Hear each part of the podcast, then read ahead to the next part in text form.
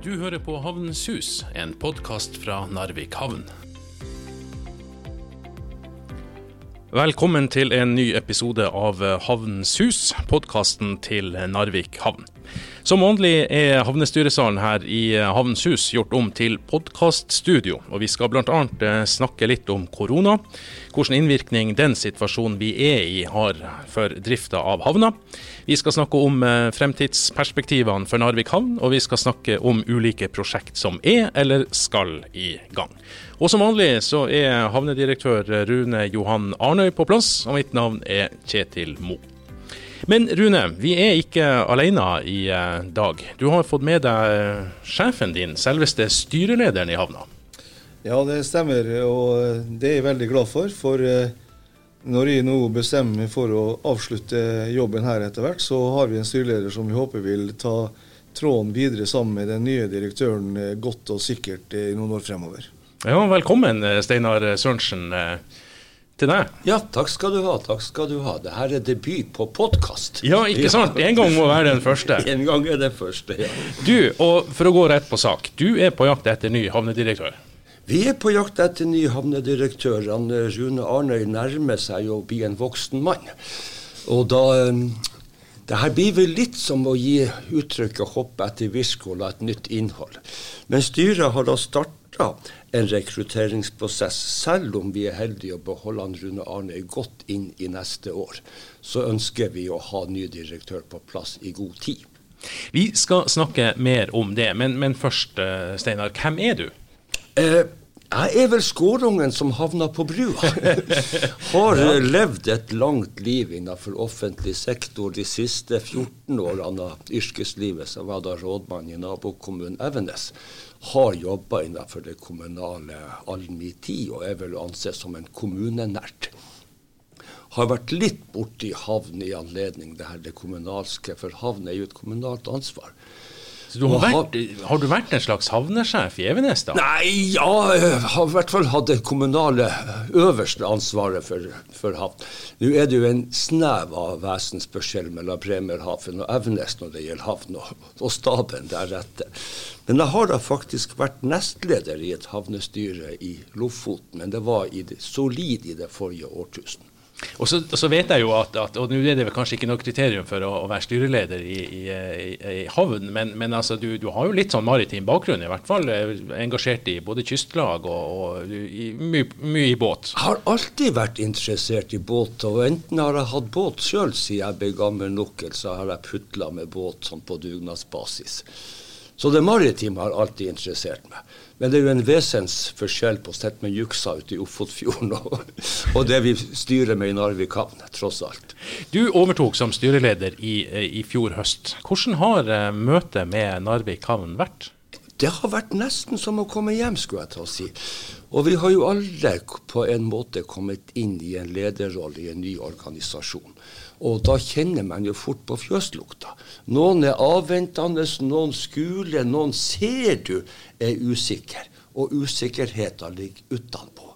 Eh, Narvik havn har vært et særdeles positivt og godt møte. Så når jeg nå er her, så er det veldig inkluderende og ønsker velkommen. Og de slår av en prat. Jeg tar meg jo en liten sånn helserunde og sånn, og, og slår av en prat og er imøtekommende, inkluderende. Og det gleder meg ikke bare for min del som styreleder, men å møte en organisasjon som er åpen, inviterende og inkluderende. Det tror jeg er ett av flere kritiske suksessfaktorer for det Narvik havn skal være, og det vi skal utvikle videre.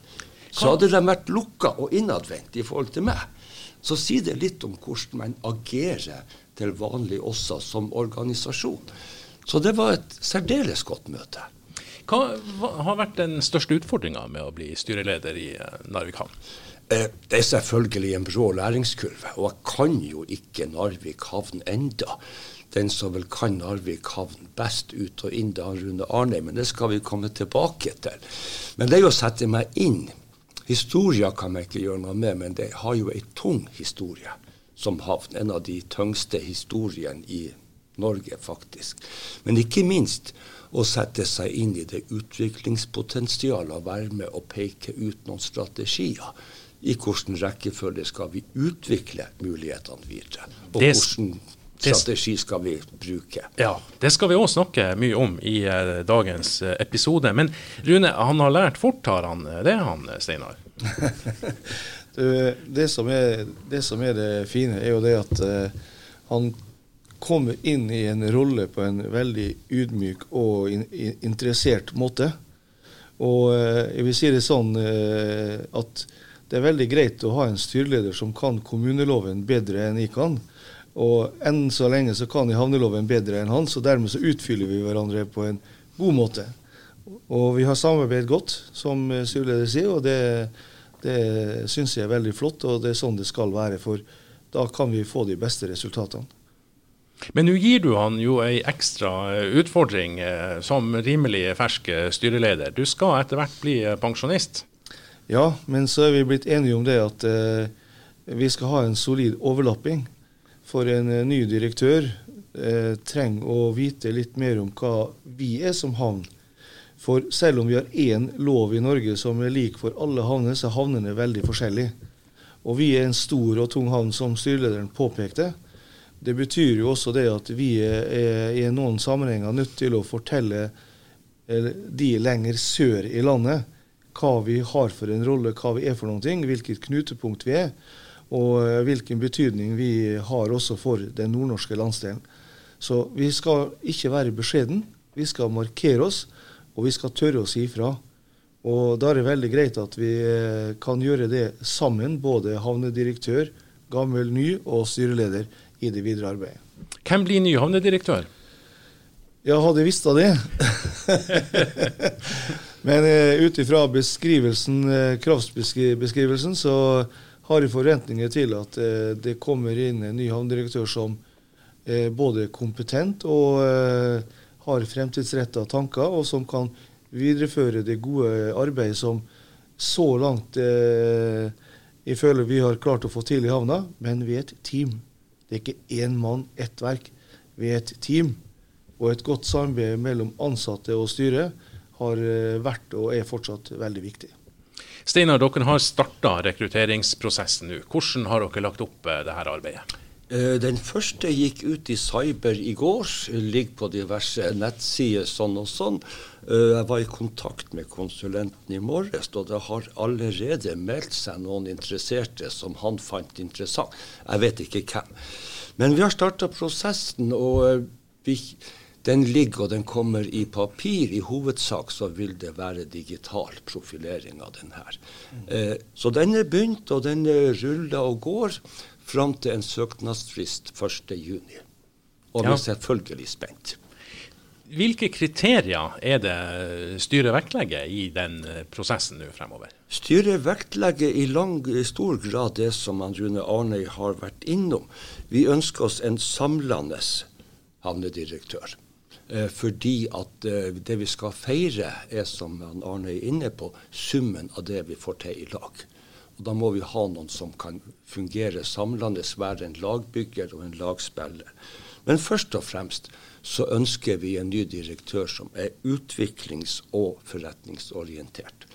Skal vi drive med alt vi gjør nå, eh, så har vi en særdeles kompetent maritim avdeling. Så de forvaltningsoppgavene som havna har, de blir gjort på en særdeles god måte. Utfordringa er jo utviklingspotensialet. Du, du må ha noe mer enn en båtførerbevis, altså? Ja, vi må ha mer enn en sidrumpa byråkrat som ser til at forvaltningsoppgavene blir løst sånn som havneloven sier, og at båtene kommer til kai, og det regimet her fungerer. For det er vi gode på. Vi driver utrolig godt det forvaltningsmessige som havna i tillegg. Så vi ønsker oss en som kan hjelpe oss til å utvikle det potensialet vi har. Og da må vi ha en som er utviklings- og forretningsorientert. Vi ønsker også en ny direktør som har solid toppledererfaring. Så det å ikke ha jobba i et komplekst spenningsfelt mellom oppgave, kommune, næringsliv, utvikla nye markeder, utvikla nye tjenester og kunder. For nå tenker jeg utvikling på minst tre nivå. Det ene er å utvikle ny infrastruktur. At vi har næringsareal, at vi har kaier. Men det nytter svarten så lite hvis du ikke klarer å få tak i aktører eller kunder som vil bruke infrastrukturen. Så det må tenkes utvikling både på nye tjenester, nye aktører, kunder og en infrastruktur. Eh, på kort sikt så har vi nok fokus på å legge til rette for infrastruktur. Det skal vi komme tilbake til. Men uten at vi har ei kai som Rune Arne og jeg kan stå klart og ta imot tampen, så kommer det ingen båter. Hva du tenker om det, Rune? Nei, nei det er helt riktig. Og, og, bare for å gjøre en liten tilføyelse. Kaibygging, som vi nettopp har gjort med ny cruisekai i sentrum her, det er veldig krevende og kostbart. Derfor så må vi ha et langsiktig perspektiv som går akkurat på at det, vi må ha inntjening på det, men vi vet at det tar tid. For det er jo å vende strømmer av handel og vandel Eh, enten det er noe på sjø eller land, det vet vi er veldig krevende, for man er veldig komfortabel med løsninger man har. og Da må vi tenke nytt og overbevise om at det her er farbar vei å gå. Så det, det gjør jo egentlig jobben veldig, veldig spennende. Du var jo den første havnedirektøren som ble ansatt uh, i, Narvik havns daværende hundreårige historie, uh, uten maritim bakgrunn. Eh, tenker du at det er, det er ikke så, så, viktig fordi at man har den kompetansen i, i hus? Vi, ja, det er, ikke, det er, ikke, så viktig at du må ha maritim erfaring som havnedirektør. Men du bør, du bør kunne litt om eh, både regnskap, forretning, markedsføring og ikke minst logistikk. For at du må liksom se et sånt helhetsbilde. For knutepunktet havn er avhengig av både vei og bane. Og så har vi heller ikke lang vei til en internasjonal flyplass. Sånn at helhetsbildet krever egentlig alle fire modale enheter i en sånn overordna tenking.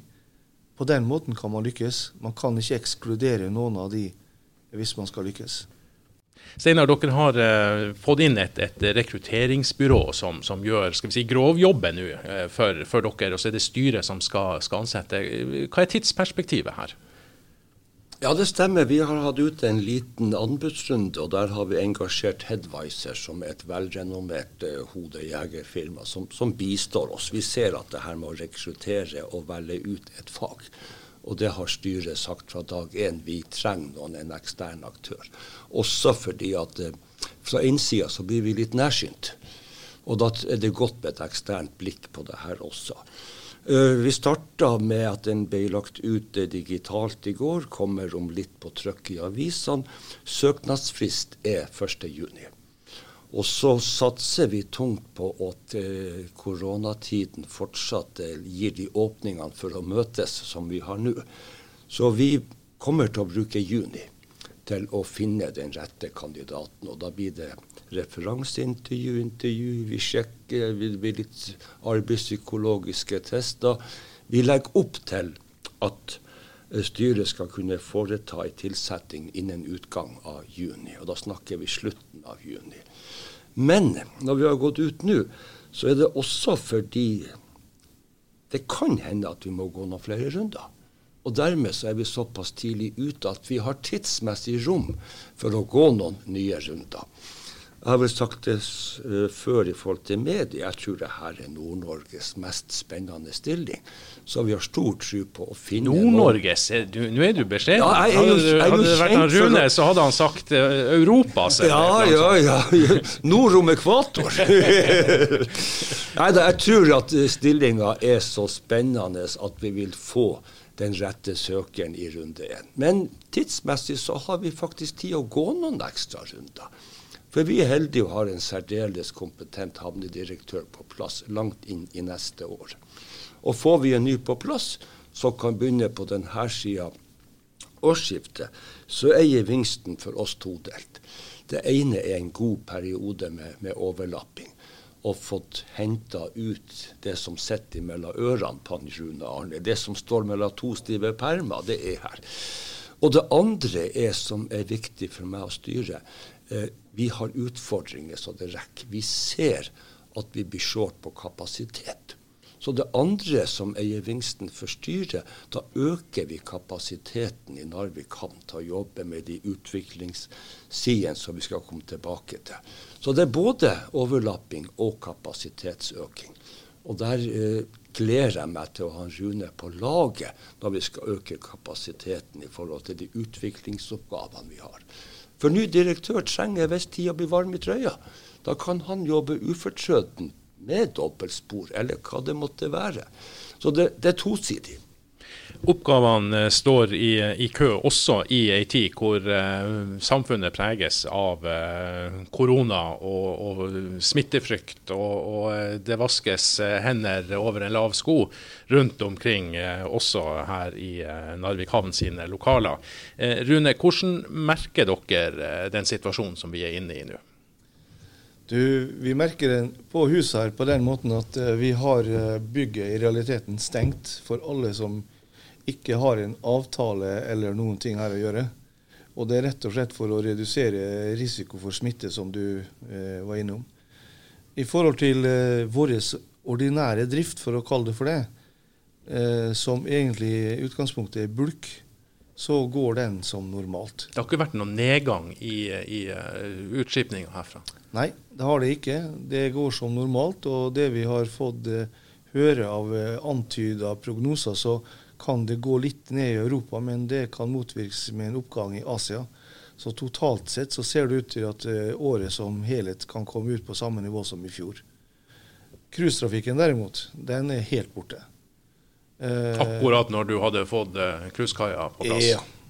Vi har hatt fem vellykka anløp i år, og vi skulle ha 25 til. Og alt forsvant for resten av dette året. og det syns jo vi var kjempekjedelig, for nå hadde vi liksom fått vist frem at vi hadde et nytt og skikkelig godt produkt. Som kom egentlig ikke bare oss til gode, men hele det næringslivet, reiselivet rundt omkring oss som eh, vi ser hadde nytte og glede ut av det på en god måte. Vi håper jo det at det her kan endre seg, for til neste år har vi over 50 anløp innmeldt. Eh, hvor Hurtigruta er en del ut av det. Og så Hvis normalen kommer tilbake, så kan vi få en eh, vekst allerede fra neste år som er å ta og føle på. Men det er for tidlig å mene noe helt bastant om det enda. Ja, Du tror at man kan få en periode på kanskje utover det her året hvor, hvor det er en slags unntakstilstand innenfor eh, cruisetrafikk og reiselivsnæring generelt? Ja, for, fordi at det er den det er de engelsktalende, altså England eh, og USA, som er de største reiselivsbesøkende. Og ting må normalisere seg der for at vi kan se en positiv effekt ut av det. Eh, Norge og Europa alene er ikke, er ikke, de store. Så der er vi veldig spent på hva som skjer eh, rundt omkring oss. Hvordan er det for styret å, å, se på at man har brukt eh, hva det var, rundt 160 millioner på ei eh, flerbrukskai eh, og cruisekai her, og så, og så, eh, tar man den i bruk, og så er det fem anløp, og så er det ingen lenger? Det er dårlig inntjening. Nå la du kanskje på litt heftig mye moms i forhold til kostnader, men OK. Nei da, for styret sin del så er det å leve med. Det er en langsiktig investering som må avskrives over 40 år. Kaia skal leve i 100 år. Og det er i det perspektivet en skal se havn. Så eh, fra styrets side så legger vi nok til grunn null flere anløp i år. Alt annet blir en feit bonus. Eh, men det viser også at eh, den betydninga Narvik havn har for helheten innenfor Snakker vi nå reiseliv, så er jo cruisekaia en del av det. Som uh, samfunnsmenneske så er jeg mer bekymra for ringvirkningen for de andre. Uh, Polar Park er en stor mottaker av de som kommer med cruise hit. Det samme er Narvikfjellet, Kontor, fjellet på vinteren og det som kan være. Vi har en del mindre aktører, Hanilas, i forhold til reindrift, reingjeter for en dag og de opplevelsene der. Så det viser at havna er viktig. Og jeg, som samfunnsmenneske, som sagt, så er jeg mer bekymra for effekten på annet reiseliv. Havna vi tåler det på bunnlinja i år. Og så jobbes det godt ifra havna. De er hands on med agenter, rederier, for å sikre at når vi kan åpne kaia, så er vi fit for fight. Og det skal vi være. Og Det betyr at eh, vi skal gjøre ferdig alt som er omkringliggende selve cruiseanløp, med egen ISBS vaktbu. Og vi skal oppgradere skuret som står på Pir 1 knytta til Nykaia, på en sånn måte at eh, både besøkende og gjester og mannskap fra de ulike skipene skal kunne føle seg velkommen. Så dere utnytter den tida som er nå med, med, null trafikk på cruisekaia til å, å, å, å, gjøre den helt ferdig, og kanskje mer enn det som man hadde tenkt i utgangspunktet? Jo, så Vi skal gjøre den helt ferdig fordi at vi skal fremstå med sjarm og et godt omdømme. Vi skal vise cruiserederi og verden for øvrig at her er det verdt å anløpe, for her er det på stell. Syns dere klarer det ganske godt, det da? Jo da, kaia skal stå skinn, og det skal være på stell. Og så får vi håpe at de aktørene som også er vertskap, som vi snakka om i sted, at de overlever denne fasen som er imellom. For uten hadde vi kun hatt kaia, og ikke de andre ekstremt spennende opplevelsene som vi er alene om. Det reiser en god del f.eks. med tog opp for å, å, å, se den fantastiske naturen. Så vi får håpe at de også er klar. Men Narvik havn skal være klar. Neste båt som kommer, så står kaia helt ferdig å skinne. Vi må se enda litt lengre frem. Eh, når, eh, når, du overtok eh, som styreleder, Steinar, så hadde styret allerede en strategiplan som, som var vedtatt i, i, fjor. Den skal rulleres nå. Hvis man åpner opp og ser litt sånn prosjekt og, og, og strategi, tanker om, om fremtida for havna, hva tenker du da innerst inne? Ja, På kort sikt så er det jo å gjøre ferdig det arbeidet som ligger i strategiplanen inne på Fagernes, Garvenes, og få det sikra at vi kan ta imot de massene som Kaunis måtte ønske å ha her. Og videreutvikle det som er med container, og også Roro, som vi skal komme tilbake til. Men havnepolitikk må ses i et sånn evighetens perspektiv. Og styret ønsker nå å ta opp og få trøkk igjen i prosessen med nye Narvik havn. Uh, vi må være klar til å ta imot nye aktører når de kommer. Vi kan ikke vise dem et prospekt på glansa papir og si det kan kanskje bli noe. Så når første aktør kommer, så skal Arne og jeg kunne stå klar på kaia og ta imot den. Men da må vi også ha ei kai å stå på. Vi er nå klar.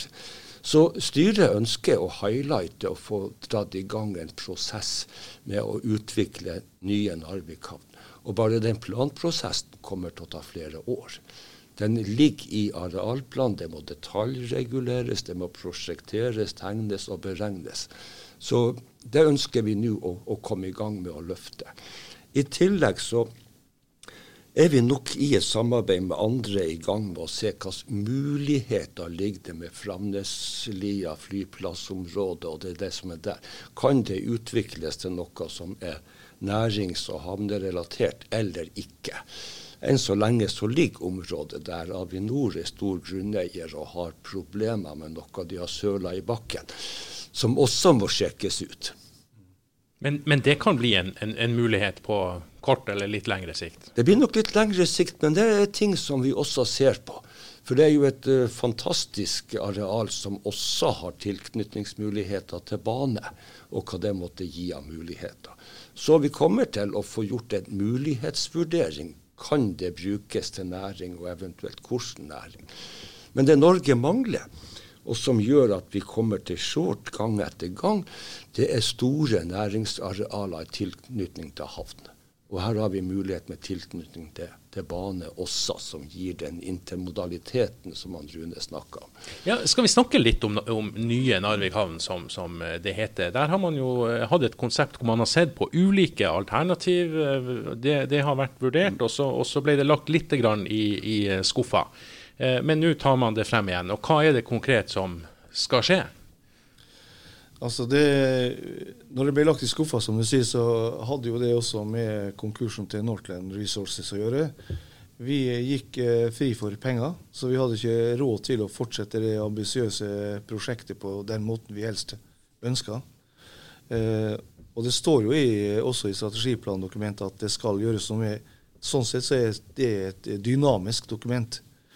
Eh, når vi nå har fått på plass en ny aktør og bruker av bulkterminalen, som vi for så vidt overtok etter konkursen, så har vi sett at eh, den gir oss et inntektspotensial som krever at vi må videreutvikle nye areal. Ferdigregulere, gjøre areal byggeklare.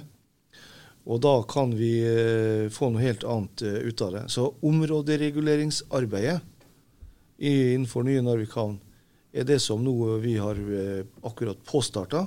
Og det er det som vi gir det overordna retningslinjen for eh, hvordan vi skal prioritere arbeidet videre. Og da snakker vi om to ting. Det er bulk og, og terminal.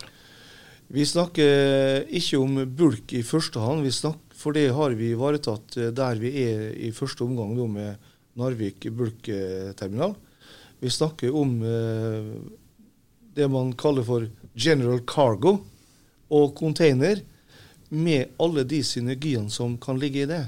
Vi snakker også om mottak av eh, brønnbåter med fisk til slakting, for deretter å føres direkte over på tog videre.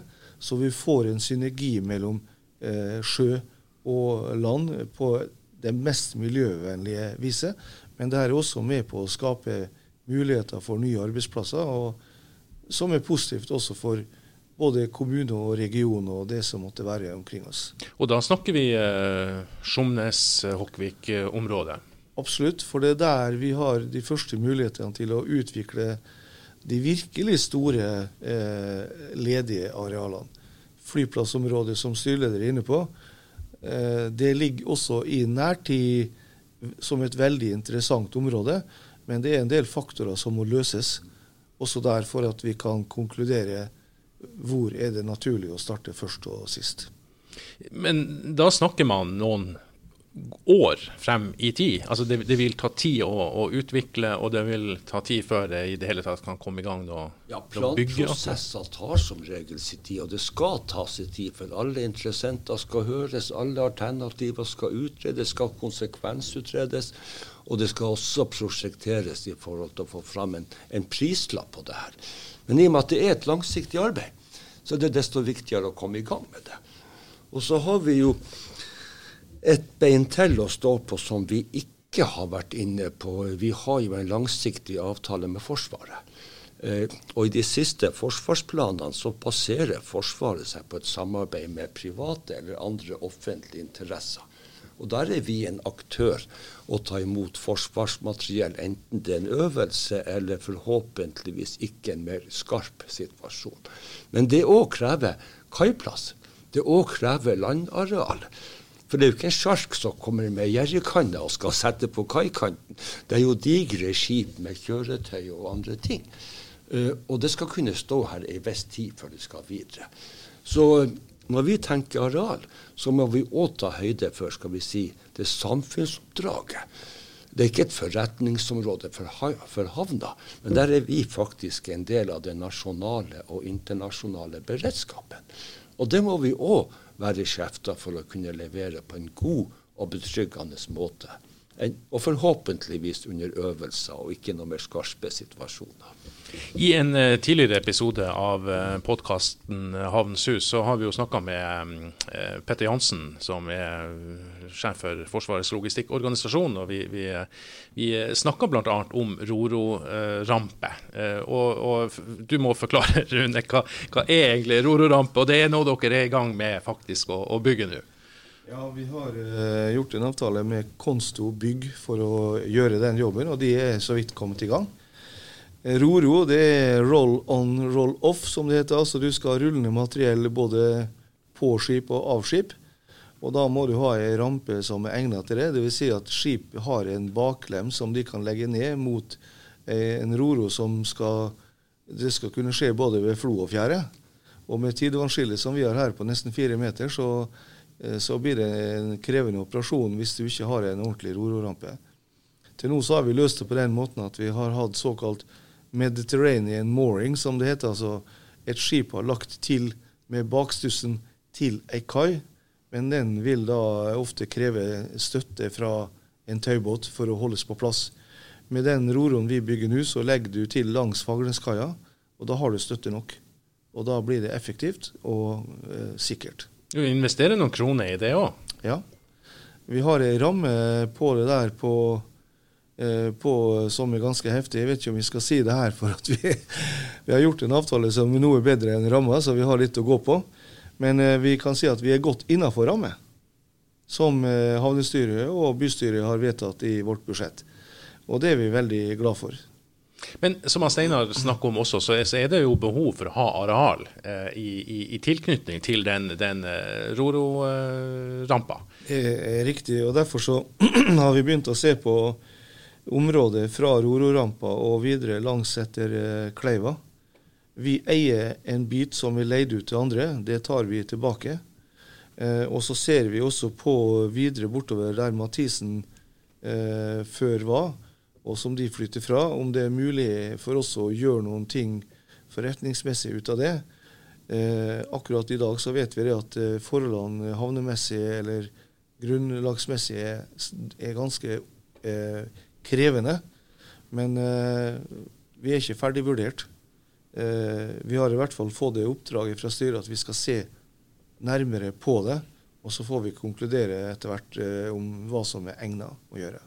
Tror du også i et langt perspektiv fremover at den avtalen som Narvik havn har med Forsvarets logistikkorganisasjon kommer til å, å, å bli viktig og, og, kommer til å gi inntekter til eh, havna og, og, samfunnet lokalt her? Den øvelsen som var i år, og som ble avbrutt litt tidligere enn planlagt pga. korona, den ga oss et innblikk i at dette er et interessant område å jobbe på. Og samtidig så var det en test om vi var i stand til å levere ikke bare egen, egen kraft, men også at vi hadde samarbeid med andre på en sånn måte at det fungerte godt. Eh, vi har fått bekrefta at eh, leveransen som har vært foregått, har vært god. Og Det betyr at i 2022 så kan vi få en øvelse à la Trident Junction i Trøndelag. og Da snakker vi om bortimot en 45 000-50 000 mannskaper, pluss maskiner og utstyr som hører til. Det blir svært. Da nikker styrelederen her. Ja, det, det, krever at vi har hele organisasjonen. Vi har avtaler med de som skal levere til oss. I så måte så var det jo flott at vi hadde en, en mindre test i år, og at den gikk bra. Alle, så langt jeg er orientert, alle leverte det de skulle. Og som jeg tror jeg sa i sted, det samarbeidet mellom Forsvaret og andre aktører, det er kommet for å bli. For det har ligget fast inne med flere rulleringer av Forsvaret sine langtidsplaner. Og da har vi et samfunnsoppdrag å gjøre. Jeg tror ikke, Det er ikke det her vi tjener mest penger på. Men vi er jo en offentlig organisasjon.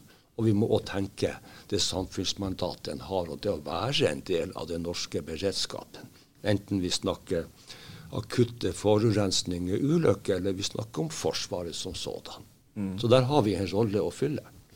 Når, for, for de pengene vi tjener, pløyer jo vi tilbake i lokalsamfunnet helt og fullt. Det er ingen utbytte, det er ingen som eh, kommer og melker eh, havnekassa, for å si det sånn. Vi bruker det til felles nytte og glede på vegne av vår eier, Narvik kommune. Et rimelig stort utbytte, vil vel noen kunne si. Ja, det man du, får tilbake. Når du bruker samfunnsøkonomiperspektivet, som styreleder nettopp nevnte, så kan vi si det at eh, utbyttet er rimelig heftig. ja. Du, Til Roro-anlegget, for å, å avslutte med, med, den biten. Eh, når er det ferdig?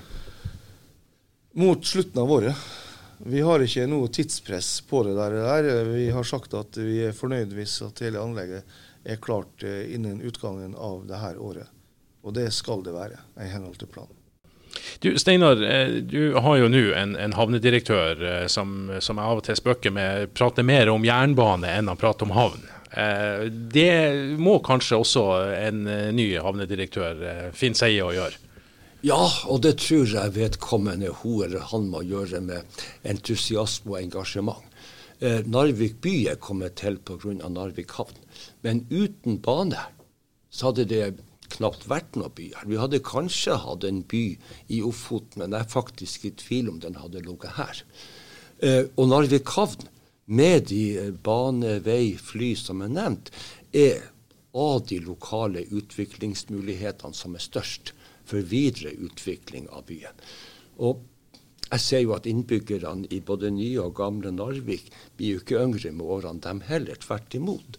Eh, så skal vi utvikle regionen og Ofoten-samfunnet osv., så, videre, så må vi skaffe nye arbeidsplasser.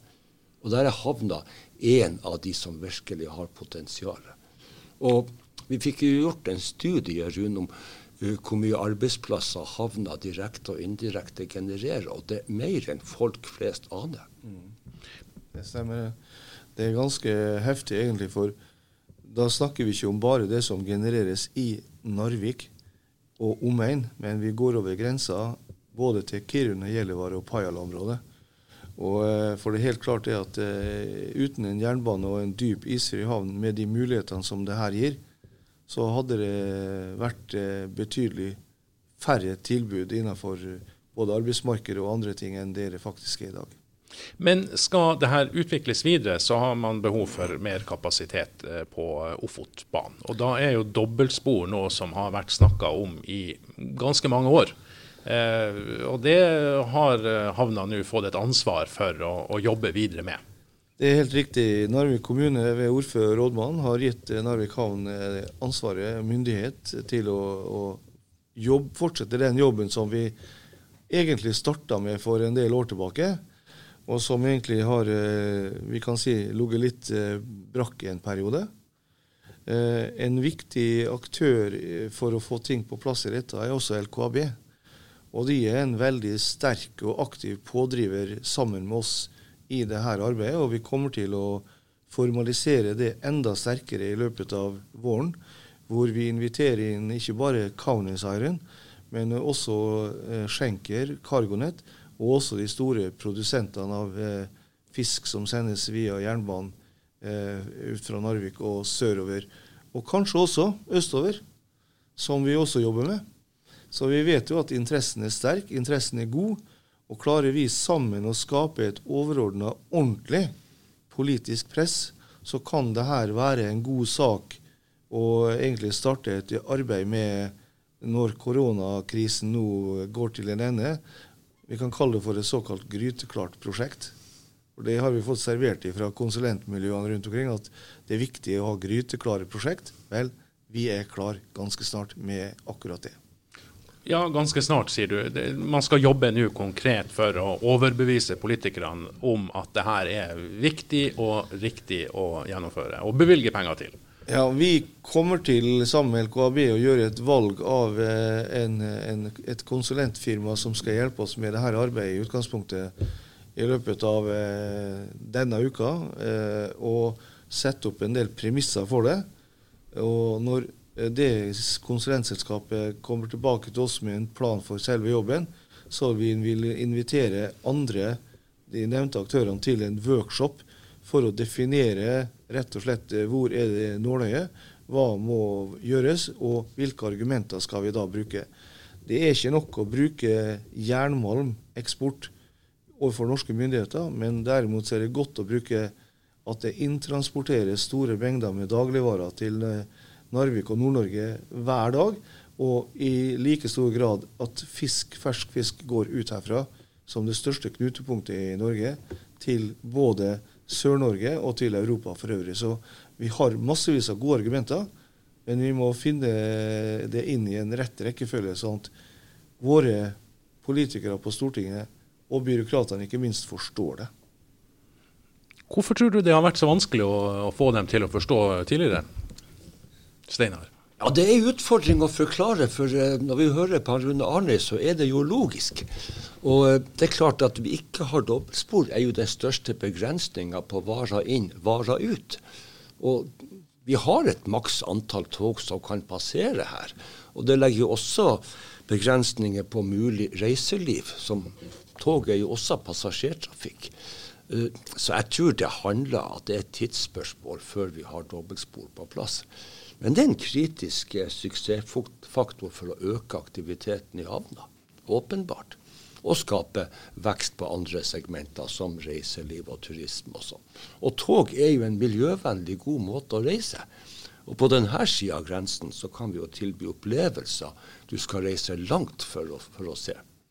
Vi skal fra dobbeltspor og eh, avslutte med noen ord rundt eh, havnedistriktet. fordi at eh, De siste månedene så er jo det blitt veldig mye større enn det det var tidligere. Steinar, du kom jo inn på et tidspunkt hvor kommunereformen ble diskutert. Og, og skal vi si nye Narvik kommune var jo i gang fra, fra 1.1. Det førte òg til, til, at sjøarealet til Narvik havn og det man har ansvar for, er blitt veldig mye større. Tenker du, hva tenker du om det?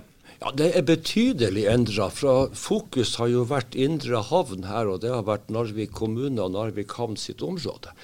Og ved kommunereformen som trådte i kraft ved årsskiftet, så er Narvik havn tillagt ansvar for den delen av gamle Tysfjord eh, og Ballangen kommune. Og der er betydelige muligheter. Der er en del havneanlegg, der er en del klargjorte mer eller mindre næringsareal. Og som om ikke det var nok, så har Narvik havn og Evenes kommune en samarbeidsavtale. Hvor Narvik havn tar seg av forvaltningsoppgavene til Evenes kommune også. Eh, det gir oss nye muligheter. Først og fremst kan vi tenke ei enhetlig forvaltning og utvikling av Ofotfjordbassenget, inklusiv den delen av Tysfjord som tilhører nye Narvik kommune. Der er gjort ei kartlegging av muligheter. Eh, noen områder så er vel utfordringa si, å lage gull av gråstein. Eh, andre muligheter ligger godt til rette for å tenke utvikling av havneområder, havnearealer, og tenke næring og utvikling i hele den nye kommunen. Inklusiv Evenes, som også har litt infrastruktur som benyttes i det her. Ja, Rune, du leverer ikke bare fra deg jeg håper å si et resultat, en omsetning eh, som har vært eh, større enn noen gang, men, men også et, eh, et havnedistrikt som, som, aldri har vært større. Hvordan, hvordan vil det bli? Jeg velger å se mulighetene i det mer enn la oss kalle det for problemer. Vi vet at det er en del utfordringer. Eh, for det er ikke alle kai- eller havneavsnitt rundt omkring, verken i Ballangen, Tysfjord eller hos oss, som er like up to date, for å si det på den måten. Og Da blir det veldig viktig for oss å prøve å se hvilke muligheter har vi for å kunne gjøre eh, utføre ulike oppdrag eh, både her og Ballangen og Tysfjord. Og det er riktig som styreleder sier at en del næringsaktører, en del arealmuligheter er det, og det er veldig bra. Og eh, I tillegg til det så er det også Evenes som nevnt. og I forhold til eh, samarbeidsavtalen med Evenes og den vi har med Forsvaret, så gir det jo særdeles interessante muligheter eh, på litt sikt, dette her. Forsvaret har sjøl definert Ofot-området med, med eh, Narvik som et eh, fremragende logistikksenterområde. Og det er jo nettopp det vi snakker om. Helheten. Luft, sjø, bane, vei. Vi har muligheter som knapt noen andre har.